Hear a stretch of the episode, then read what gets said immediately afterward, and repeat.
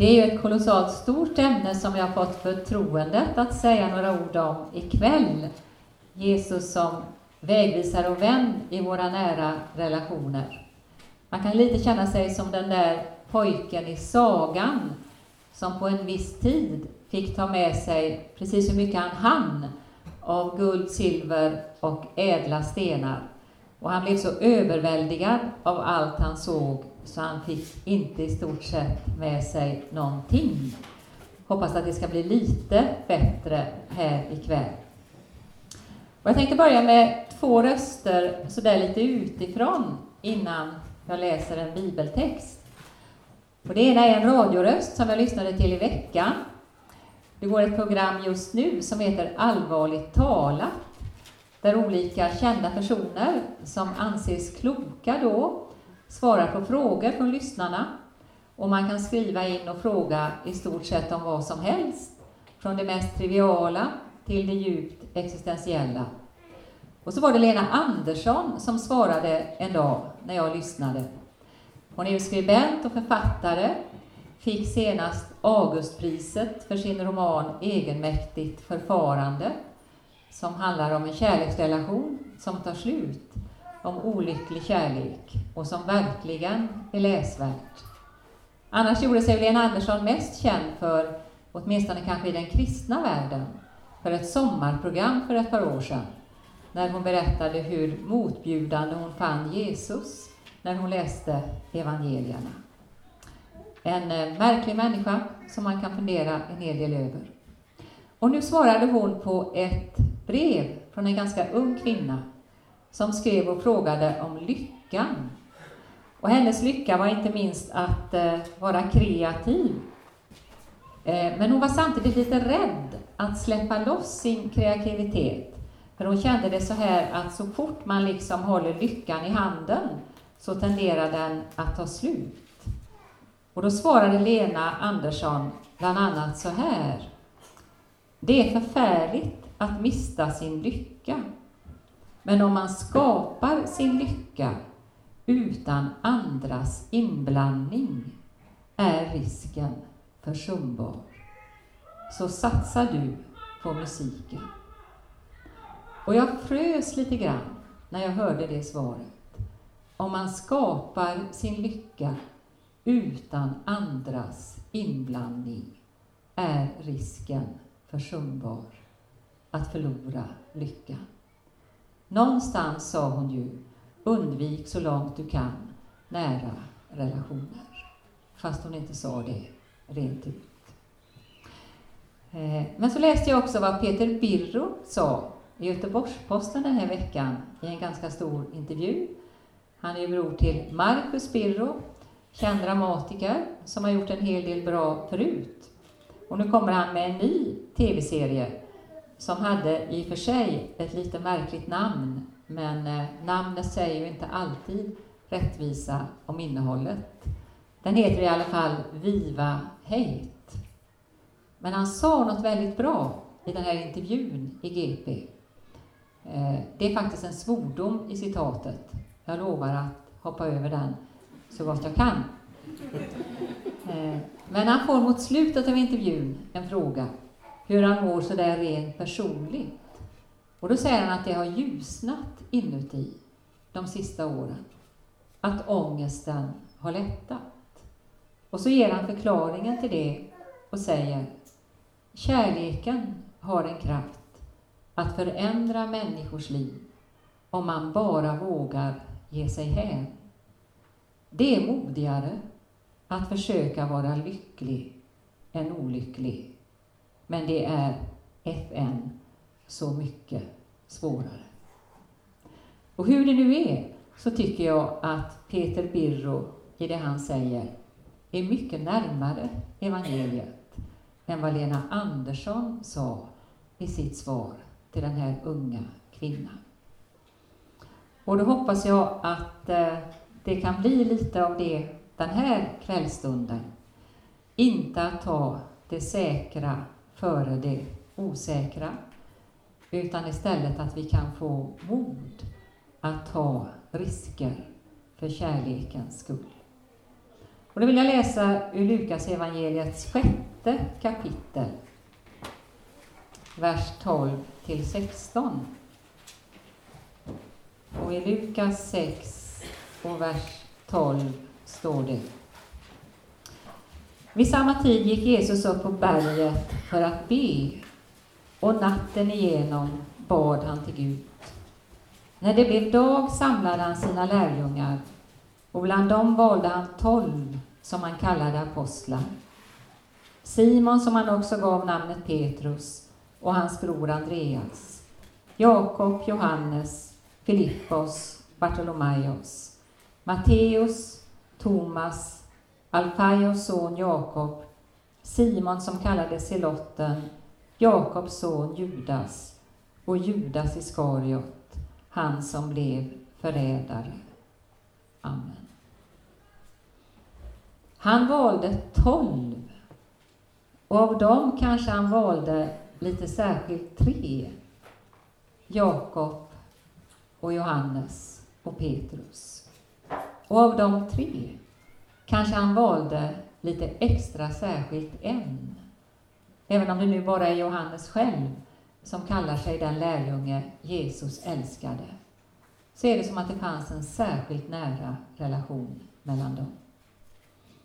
Och som Gud var Jesus givetvis helt obegränsad. Men som människa hade han sina gränser. Och vår kallelse är att vara människor. Och det är alldeles nog stor utmaning. Och kanske är det någonstans så också för oss, att det är tolv som vi kan hålla nära hjärtat samtidigt. Och bland de tolv är det kanske tre. Och bland de tre är det kanske till slut egentligen bara en. Och då blir ju frågan, men alla de andra som vi gör kortare och längre möten med, de som vi faktiskt kan se med våra ögon och ta på, och de som är långt borta, men som vi hör om och vars liv ändå berör oss. Vad ska vi göra med dem? I Petrus första brev, kapitel 3 och vers 15, där står det så här, Herren Kristus ska ni hålla helig i era hjärtan. Och jag har ibland liksom gjort den gruppen lite större. Och så brukar jag tänka att det är många människor som man både vill och kan hålla heliga i sitt hjärta. I ungefär 30 år har jag rest runt i landet som någon slags förkunnare och själavårdare, vilket har inneburit väldigt många möten med människor av olika slag i olika sammanhang, inte minst i det enskilda samtalsrummet. Och alla dem kommer jag givetvis inte ihåg. Men ibland, när jag sitter i bilen, när jag är ute och går, när det är lite tyst omkring mig, då dyker det ena ansiktet efter det andra upp i någon slags inre Facebook. Och så kommer jag ihåg honom. Och så minns jag henne. Och så undrar jag. Och så känner jag ibland en tacksamhet. Vid andra tillfällen en oro. Jag ber ofta en bön. Och så kan man verkligen fundera, men gör det någon skillnad? att ha en inre Facebook, att hålla människor heliga i sitt hjärta. Om man faktiskt inte orkar alltid ringa dem, än mindre träffa dem. Om man inte orkar vara så trofast som man egentligen skulle vilja. Därför att det är på något sätt så fullt. Ja, jag tror faktiskt att det gör skillnad. Att det skapar en lyhördhet och en beredskap och att det gör en annorlunda atmosfär. Och jag tror också att detta att hålla människor heliga i sitt hjärta, också de man inte alltid hinner med, som man skulle vilja hinna med, det gäller de som man faktiskt möter med en viss regelbundenhet. Jag arbetar ju mycket med retreat och har gjort det i ganska många år och tycker det är fascinerande med samtalen som blir på en retreat, de personliga. Därför att man märker ofta att människor har gjort ganska mycket jobb själva i tystnaden. Så det blir så väldigt väsentliga och givande samtal. Och inte minst handlar de samtalen om relationer till dem där hemma. Som att man i tystnaden har sett dem i ett annat ljus, förstått lite mer, ibland har fått en förnyad kärlek och också ibland har behov av att åka hem och be om förlåtelse, att tillsammans skapa något nytt.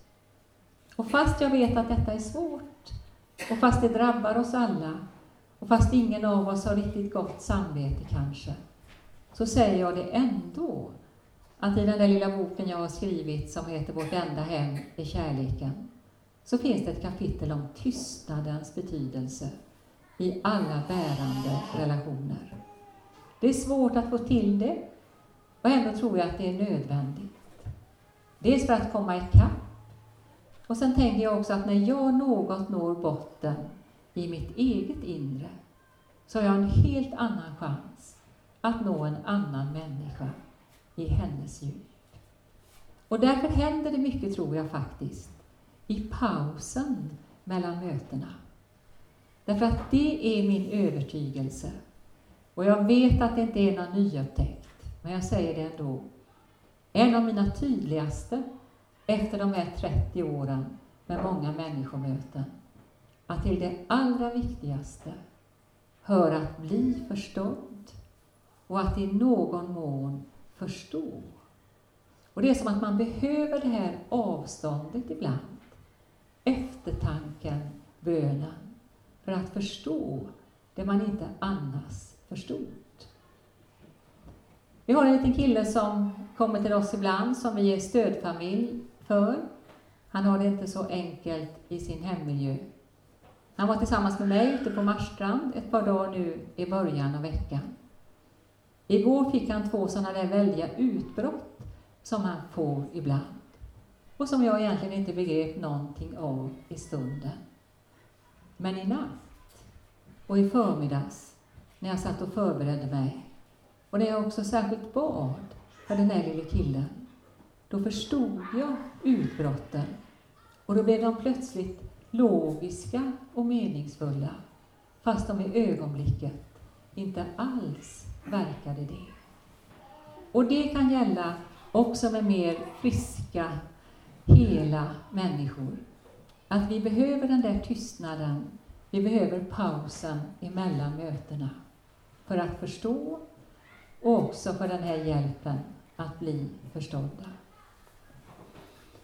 När Johannes döparen eh, talar om Jesus i Johannes evangeliets första kapitel, innan Jesus liksom riktigt har dykt upp på banan, så att säga, då säger Johannes i eh, det första kapitlet och i vers 26.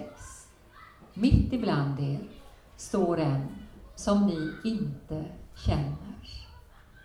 Men Jesus själv i Matteus 16 och i vers 15 ställer frågan till lärjungarna.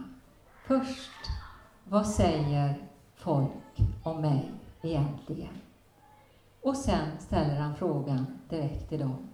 Och ni, vem säger ni att jag är? Och då tänker inte jag att det bara handlar om att Jesus liksom vill kolla om ljuset har gått upp, om de faktiskt har förstått. Jag tror att han är så mycket människa att han också frågar för sin egen skull. Att han brottas någonstans med sin identitet. Därför att det är ju så att hur mycket vi ser oss i spegeln så får vi inte det fulla svaret på vem vi egentligen är. Vi får väldigt mycket av det i de blickar som möter oss och i det andra ser och kanske ibland också säger. Och det är en av de viktigaste rollerna kan man säga för en andlig vägledare. Och det är också för alldeles vanliga människor, man och kvinna emellan, att ägna sig åt det som med ett fint ord kallas för majeutik och som betyder förlossningskonst. Det är det Jesus ägnar sig åt också i Johannes evangeliets första kapitel, när han ser en av lärjungarna för första gången, fokuserar honom och så säger han i vers 42, du är Simon, men du ska heta Petrus. Och jag tror att på något sätt upprepas det varje gång Jesus får ögonkontakt med en människa. Att vi liksom får veta igen vilket namn livet hittills har gett oss. Kanske vår uppväxt, kanske vår skolgång, våra relationer, hur vi har lyckats eller misslyckats. Men så har han ett annat namn. Det som är det mest sanna. Det som gäller vår djupaste identitet. Och man kan läsa samtidigt där, Uppenbarelsebokens andra kapitel och sjuttonde vers. De där sändebreven som finns till olika församlingar. Och där det står i ett av breven, i kapitel 2 och vers 17, att en dag när allt är över och vi möter Gud, då ska vi få en vit sten med ett nytt namn på som ingen känner utom den som får det och underförstått han som ger det. Och jag tror att det betyder att den djupaste sanningen om vår identitet, den har bara Jesus Kristus. Och min övertygelse är någonstans att vi blir överraskade när vi ser det där namnet. Därför att i våra ögon, och som vi har tänkt om oss själva, så är det ett alldeles för stort och högt namn.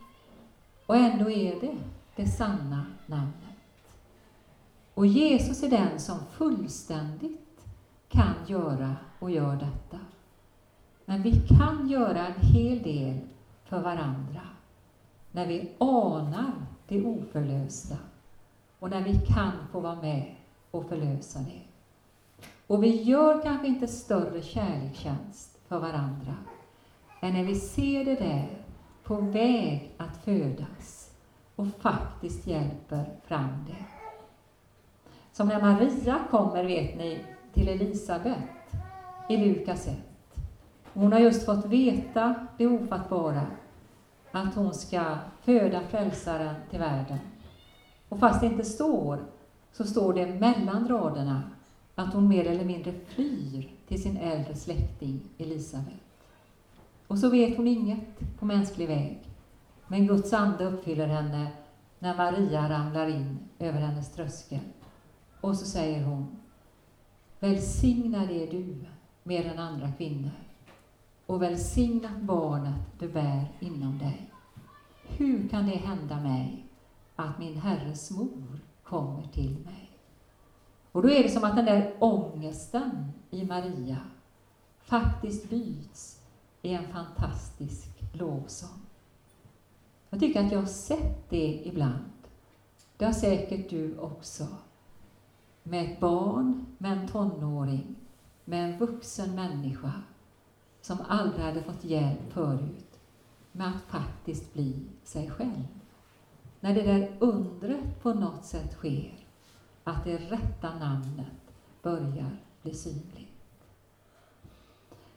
Att vara barnmorska, föreställer jag mig, att ägna sig åt förlossningskonst, det kräver stor varsamhet. Det är väl därför när Guds ande faller över Jesus, när han går från anonymitet ut i sin offentliga tjänst. Det är väl därför Anden kommer som en duva. Det handlar om varsamhet. Men det krävs också mod, föreställer jag mig, att vara en barnmorska. Att ibland vara drastisk, att ta snabba beslut, så att inte det som än har liv faktiskt dör.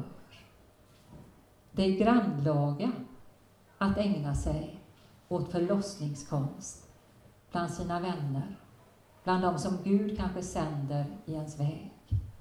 Men det är ett av de viktigaste vi gör för varandra. Och det kan kännas ibland som att barnet är dödfött. Och ändå kan man få vara med om undret att plötsligt andas det av sig själv. Vem säger ni att jag är? Det finns en annan fråga som Jesus ställer, som jag tror är väldigt viktig i de nära relationerna. Jag har skrivit faktiskt ett kapitel om detta i en av mina böcker som inte finns med här. Den är slutsåld, så det är helt okej okay att den inte finns med här. Den heter Skatter dolda i mörkret. Och där har jag skrivit ett kapitel som mycket är en kärleksförklaring till min man. Vi träffades så att säga på äldre dagar när jag hade en bibelvecka på sommarhemmet i Hola 1999. Och eh, den dagen står det i min dagbok. Det syns tydligt att jag tyckte det var en stor plåga att åka från Marstrand in i skogen i juli. Det kan man ju förstå.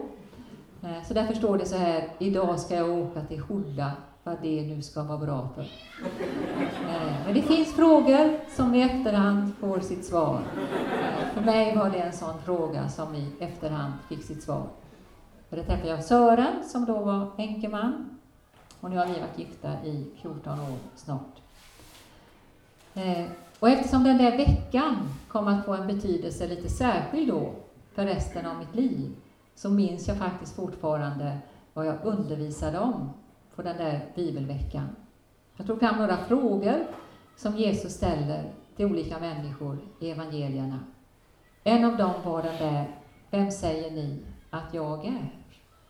En annan fråga är ju den han ställer till Maria vid den tomma graven i Johannes 20. Och det är ju den här frågan, varför gråter du? Och jag tror att det är en fråga som vi i Jesu efterföljd gör väl i att då och då ställa till varandra. Kanske inte bara när vi ser tårar och när det finns en uppenbar sorg, utan också annars. Jag ser väl ut att må rätt bra, hoppas jag. Det gör jag också. Men om någon sådär personligt ställde frågan till mig ikväll, varför gråter du? Då skulle jag inte ha minsta svårighet att svara. Och så är det kanske ofta för ganska många av oss. Jag tror att vi är rädda ibland för den frågan, inte minst i de närmaste, eller den allra närmaste relationen. För det är så lätt att tänka, om den jag lever med gråter, så är det väl mitt fel då. Det är väl jag som inte räcker till. Men tårar måste inte bli en anklagelse. Det kan också bli en mötesplats. Det finns ett sådant underbart exempel i litteraturen. Ja, det finns naturligtvis många, men nu tänker jag på ett. Utan att fortsätta berätta allt för mycket om mitt livs historia då, så var det så att när Sören och jag hade varit gifta i ungefär tre månader så krockade han i hög fart på E20 på väg hem från jobbet. Och vi trodde inte först att han skulle överleva. Det gjorde han, tack och lov. Sen trodde vi inte att han skulle kunna gå igen. Det gör han faktiskt det också, tack och lov. Men det var en del väldigt tuffa månader. Eh, och med väldigt många resor för mig då fram och tillbaka till sjukhuset där han låg. Eh, det var en väldigt underlig smekmånad när minsta beröring gjorde ont. Eh, men för att lite göra de där resorna lättare så lyssnade jag till en ljudbok. Jag lyssnade igenom hela Vilhelm Mobergs utvandrarserie, fantastiskt. Och det gav mig mer tröst än nästan någonting annat. Fast det kanske inte handlade om mig och om oss. Men jag tror att när någon talar sant om livet och om kärleken så finns det det som kan översättas till väldigt många. Och det är ju så med Ulrika, ni minns hon som var sockenhora i Juder. Så kallade man henne, och det var hon nog. Men få visste egentligen vad som var orsaken till det. Nämligen att hon utackorderades som sockenbarn när hon var liten. Båda föräldrarna var döda och den som tog minst för att ta henne i maten fick så att säga ta henne. Hon hamnade hos en storbonde som satt längst fram i kyrkan. Men vad ingen visste var att han förgrep sig sexuellt mot Ulrika från det hon var liten flicka och framåt. Och så kommer hon då till det nya landet. Och så blir hon frälst. Och när Vilhelm Moberg beskriver den upprättelse som frälsningen kan ge en människa, då förstår man att han inte kan ha varit långt ifrån Guds rike. Och så blir hon gift med baptistpastorn i Stillwater. Och den dagen bär hon hatt för första gången i sitt liv. Och hon är en ärbar kvinna. Och så kommer det där samtalet mellan henne och Kristina efter en tid, som jag tycker har så mycket att säga. Och det är då Ulrika berättar med sorg för Kristina att hon har känt sig så upprättad i sin tro så att hon också har sett fram emot den allra mest intima delen av äktenskapet för att äntligen få uppleva det på ett riktigt sätt. Men då är det så med baptistpastor Jackson, som inte alls är en ond man, att han har låsningar i sitt liv som gör att de inte särskilt väl kan mötas på det här planet. Och det sörjer Ulrika över. Och Kristina blir lite generad. Hon är inte van vid att man talar så öppet om så intima saker. Men så tänker hon efter. Och så tänker hon att hon någonstans förstår Ulrika. Hon och Karl-Oskar har det bra just på det området. Men hon bär på en annan sorg. Och det är att Karl-Oskar inte precis är någon gudsförnekare. Men det är inte viktigt för honom med tro. Och det är nästan det viktigaste av allt för Kristina. Så där sörjer hon. Och så gråter de här två kvinnorna tillsammans, som har blivit nära vänner, över det som är en saknad i deras viktigaste relation. Men de hänger liksom inte sina män. Och de funderar inte på att ge upp alltihop. Men de delar ändå sorgen och gråter med varandra och kan på något sätt trösta varandra. Och jag tycker att det är en sån fin bild. Därför att, att gråta och att låta en annan människa se tårarna handlar ju inte alltid om att man tror att då ska den personen lösa det som är min sorg och befria mig från det för alltid. Men att få känna detta, att bli förstådd och att få mod att på något sätt vandra vidare. Och för alla mäns skull vill jag då säga att jag självklart vet att ni också samtalar med varandra om det ni ibland saknar hos era kvinnor, så att det blir lite rättvist. Och kanske gjorde Karl-Oskar det någon gång med en nära vän, fast jag inte minns just det. Den allra svåraste frågan, den Jesus ju också ställer, det är naturligtvis den han ställer till Simon Petrus i Johannes 21, vid stranden av Genesarets sjö. Johannes 21, 15-19. När den där frågan kommer. Har du mig kär? Och det är ju djärvt att ställa den frågan. Och man vågar inte alltid, därför att man vet ju inte vad svaret kommer att bli. Och kanske ibland har man laddat så länge för frågan att den kommer som en anklagelse. Du älskar mig inte. Och då är det inte så lätt att skapa ett fruktbart samtal. Det är naturligtvis bättre om man kan hjälpa sig själv och få hjälp av någon annan, så att frågan kommer i ett lite annat läge. Och därför att vi vet att vi alla på något sätt ställer frågan någonstans, så är det väl också en viktig del, när vi har Jesus som vägvisare och vän i detta, att ofta svara också innan frågan har ställts. Och när jag då tänker mig svaret, när jag tänker mig detta stora, ogreppbara som kallas kärlek, så har jag ibland tänkt mig liksom tre dimensioner. Jag vet att det är mycket mer än så, men bara för att göra det lite mer begripligt, Och på något sätt har de växt fram ur ganska många samtal i själavårdsrummet. Ibland med enskilda, ibland med två i en relation. Och jag tänker mig det ganska enkelt som en slags rörelse i rummet. Och då tänker jag att det finns en kärlek där man böjer sig ner över den andra. Och det är ju inte minst den kärlek man har till ett barn. Och man kanske ganska länge böjer sig ner utan att så mycket kommer tillbaka. Och så tänker jag på den motsatta, när man liksom sträcker sig upp i en slags respekt och beundran inför en annan människa. Och däremellan tänker jag att den horisontella finns. Man ger och tar på någorlunda lika villkor. Och kanske är det den mest självklara, sådär till vardags.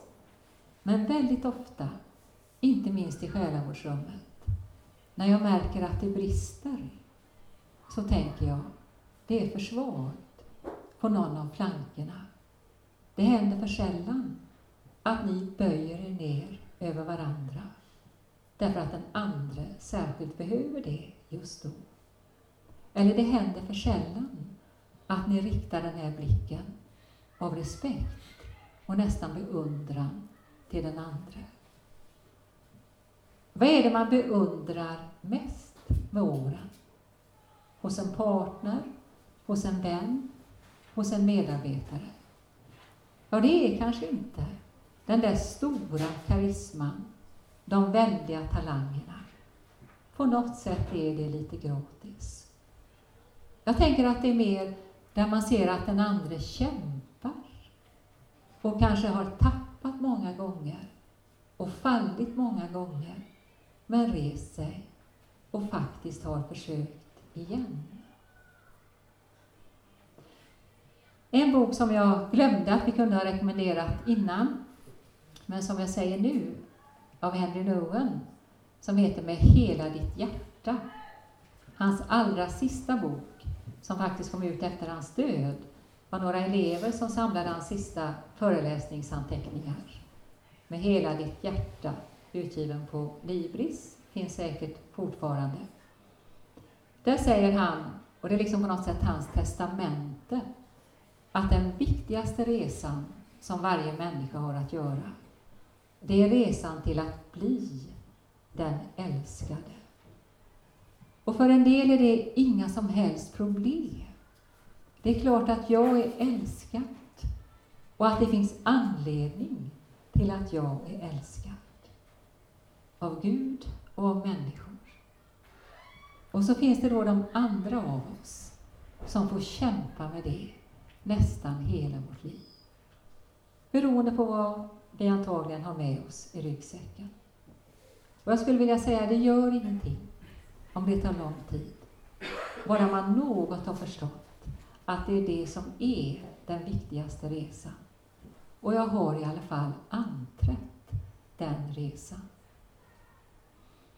Jag minns en intervju som jag gjorde en gång i tidningen Trots allt med en flicka som hette Maria och eftersom det här var en intervju så är det ju inga hemligheter jag ger vidare. Hon var född av en utländsk pappa, en svensk mamma, bortadopterad direkt efter födseln. Och kom till en inte alls dålig adoptivfamilj. Och ändå i tonåren kom de här frågorna. Varför lämnade de bort mig? Varför ville de inte ha mig? Så i hemlighet sökte hon upp sina biologiska föräldrar. Och det blev inget katastrofalt möte, men det gav ändå inte det hon hade hoppats. Och så blev hon så småningom en kristen och fick god hjälp av nya vänner, av andliga ledare. Och ändå sa hon, det där svarta hålet inuti försvann inte. Och så var det tyst en stund. Och så lyste hon upp. Och så sa hon, Fast nu har det faktiskt hänt.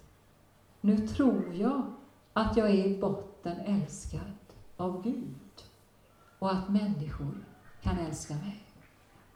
Och då frågade jag naturligtvis, men hur hände det då? Och jag tyckte så mycket om hennes svar. För hon sa bara så här, det var mysteriet. Det var mysteriet. Och det tänker jag på ibland, när jag har kämpat länge med en människa och tycker att jag har uttömt mina resurser och bett mycket och ändå ser jag att det svarta hålet är kvar. Då tänker jag på vad Maria sa och så tänker jag, mysteriet kan inträda. Och vad är det? Och jag tänker att det är Fadern själv som bygger en bro över de mörka vattnen. Och det vore ju bra om vi kunde dirigera när och hur det ska ske. Men det kan vi inte. Men en sak kan vi. Vi kan stå där trofast kvar fast vi tycker att vi har uttömt våra resurser. Och så kan vi våga vänta på att mysteriet ska inträda.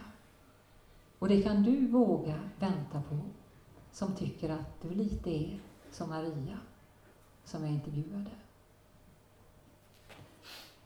Det är en fantastisk sång den eh, Jonas Jonsson har skrivit, eller sang. Den som börjar i Guds tystnad får jag vara. Och där är det en strof som är så här, att jag övar mig i barnets tillit, prövar djup och höjd och bredd. Och tillit behöver man öva sig i. Och där är Jesus, om någon, en vägvisare och en vän. Det är han, fast han väl i det ögonblicket inte är medveten om det, när han föds som ett barn i Betlehem. En oerhörd akt av tillit, att överlämna sig i människors händer. Det är han när han tar med några lärjungar upp på förklaringsberget och de begriper i stort sett ingenting. Och det är han också när han tar med några in i det allra värsta i Getsemane, och de somnar. Det är visserligen av bedrövelse, inte av likgiltighet, men de somnar likväl. Jag tror inte att det går att leva som Lena Andersson sa, att i stort sett försöka skapa sin egen lycka och se till att riskerna är försumbara.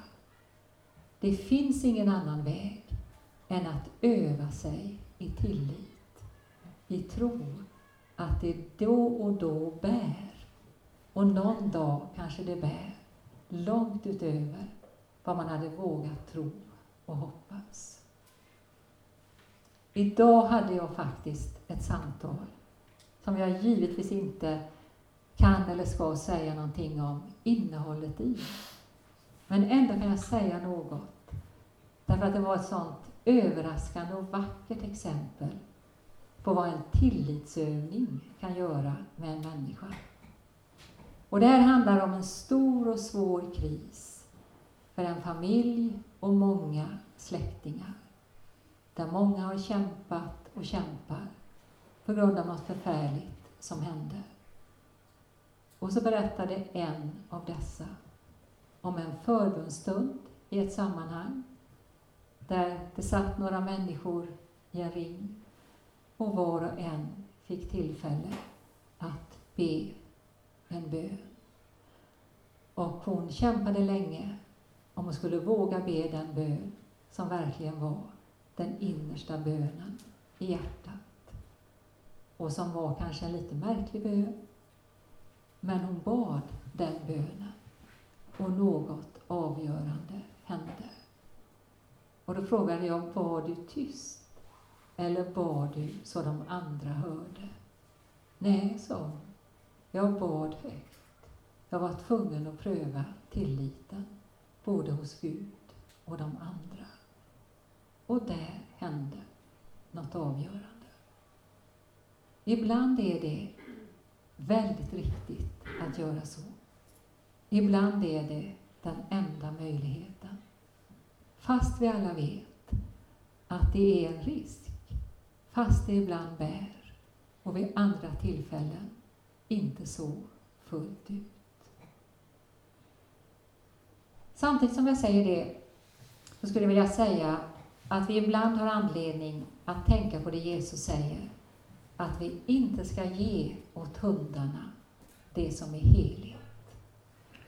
Och han vill inte se andra människor som hundar. Men jag tror det betyder att vi har rätt att vara rädda om det som är mest heligt och dyrbart i vårt liv. Och att man har att öva sig i när man kan öppna dörrarna och när man faktiskt behöver stänga till en del. Och på samma sätt tror jag att man behöver öva sig i närhet och distans.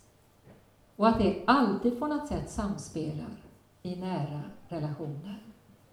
Är det bara distans så blir det givetvis inget möte.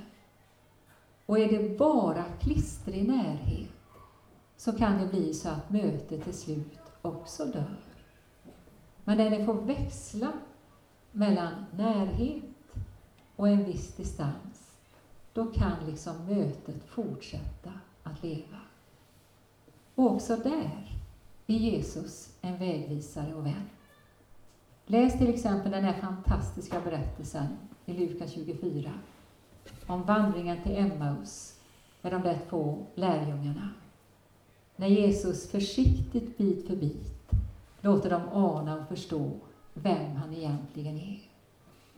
Och sen när de är framme och egentligen ska ta avsked, då står den här intressanta anmärkningen om Jesus. Han ställde sig som om han ville gå vidare. Och då säger inte de andra, okej, okay, tack ska du ha, vad ett intressant studium. Här skiljs våra vägar, kanske möts vi någon gång igen. Utan de bjuder honom att komma med in. Och det är ju där undret sker. De ser vem han är. Men detta, han ställde sig som om han ville gå vidare. Han ville nog inte det.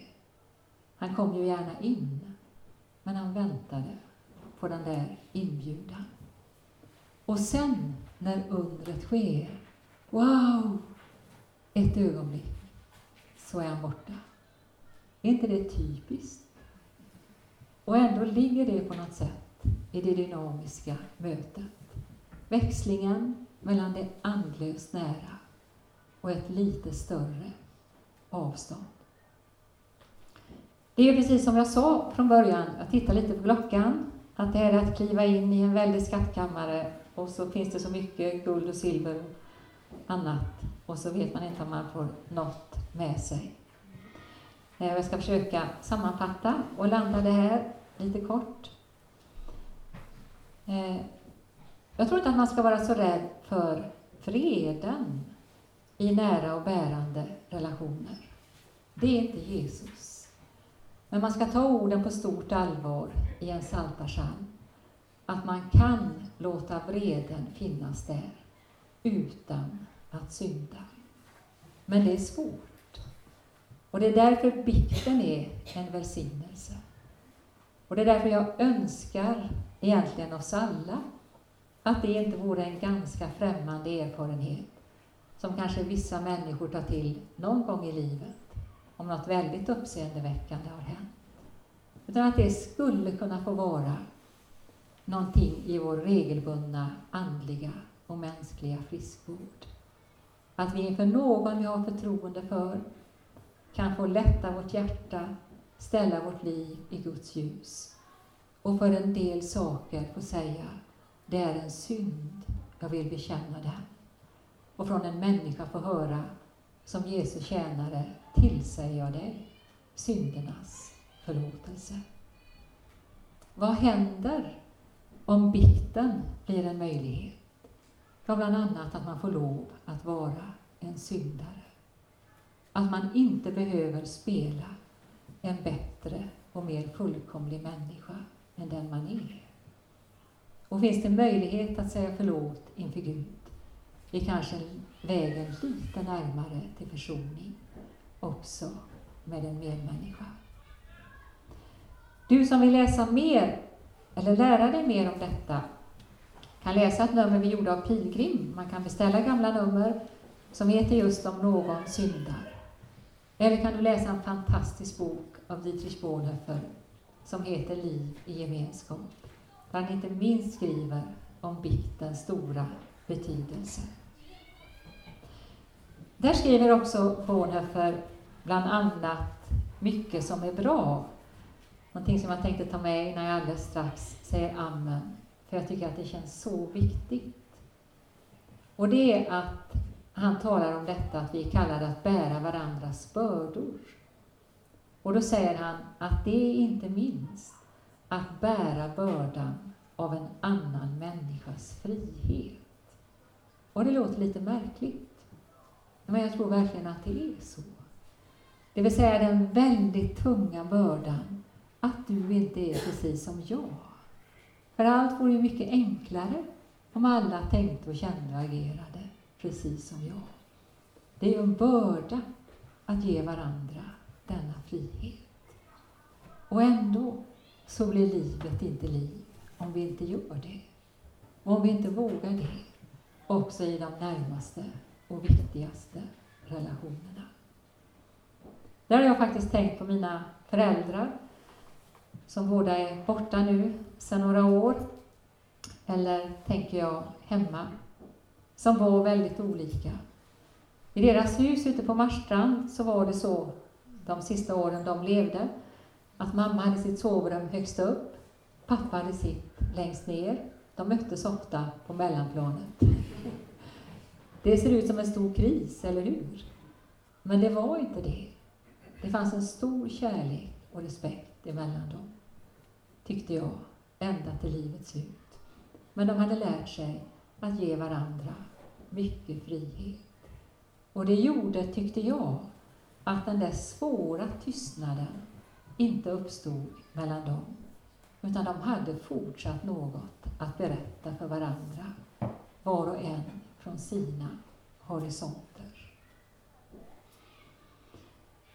Ja, det finns mycket mer att säga, men ni vet redan mycket och jag ska ha respekt för att tiden är ute. Jag skulle bara vilja sluta så här då, att vi är ju vana vid att tala om kärleken, inte sällan som en känsla som kommer och går. Och vi har inte så mycket kontroll över den. Jesus talar ju helt annorlunda i Johannes evangeliets femtonde kapitel. Och det kan verka lite väl nyktert och sakligt om kärleken och ändå är det kanske den stora befrielsen. När han säger så här i vers 13 i kapitel 15 i Johannes evangeliet. Mitt bud är detta, att ni ska älska varandra så som jag har älskat er. Och så säger han i vers 17. Detta befaller jag er, att ni ska älska varandra. Och om kärleken är ett bud och en befallning så finns det kanske inget annat att göra än att ta sig an den uppgiften igen och igen. Och då är vi inte ensamma. Då finns han där som sträckte ut sina armar från korset och som inte överger. Vi har ett familjehemsbarn där hemma som nyss har fyllt 20, som har ett litet begåvningshandikapp, så kallat barn med särskilda behov. Hon fick naturligtvis inget sommarjobb. Det är ganska osäkert hur det blir för henne i höst. Svåra, inte så självklara framtidsutsikter och så vidare. Men hon har en väldigt kärleksfull bror, om han än inte är hennes bror av kött och blod som såg till att hon fick ett sommarjobb hos honom så att hon hjälper honom att måla nu. Och jag vet ju att det går mycket fortare om han gör det själv, men han tänker annorlunda. Och så sa hon till mig i morse när hon gick, jag kom hem igår kväll och varit på lite annat håll. Nu går jag till jobbet. Mm, sa jag, satt över tidningen. Och så sa hon, du hörde kanske inte vad jag sa. Nu går jag till jobbet. Och då tänkte jag, nej, jag hörde inte att detta är stororden för dig. De måste jag höra lite mer noggrant på. Och så är det, tänker jag, med kärleken. Den får alltid en ny chans. Jag ska tänka på det när jag möter henne ikväll. Kärleken får alltid en ny chans. Inte minst när vi har sällskap med Jesus själv. Vi ber tillsammans. Herre, tack att du rör vid oss med samma händer som bar korset. Och att ditt kors får vara ett vårdtecken för våra liv. För allt det som rör de relationer som är de viktigaste och ibland svåraste i vårt liv. Hjälp oss på resan till att bli den älskade. Och låt oss utifrån det bli älskande människor. Hjälp oss att se detta som vårt livsuppdrag. Att ingen dag behöver vara förgäves. Att vi kan få växa varje dag som kärlekens mottagare, som kärlekens givare. Och nu vet du hur våra inre landskap ser ut. Vem som gläder sig, vem som kämpar. Vi ber att detta ska vara dagar av helande, av nytt mod, av nytt hopp. Och du känner också människor som vi bär särskilt nära vårt hjärta, vars namn vi ofta nämner inför dig. Hjälp oss att tro på dig som vägvisare och vän, också i de mest trängda av lägen. Och hjälp oss vara modiga nog att försöka bli lyckliga och inte olyckliga. Vi ber så i Faderns och Sonens och den heliga Andens namn. Amen. Tack för ett gott lyssnande ha en riktigt god fortsatt vecka.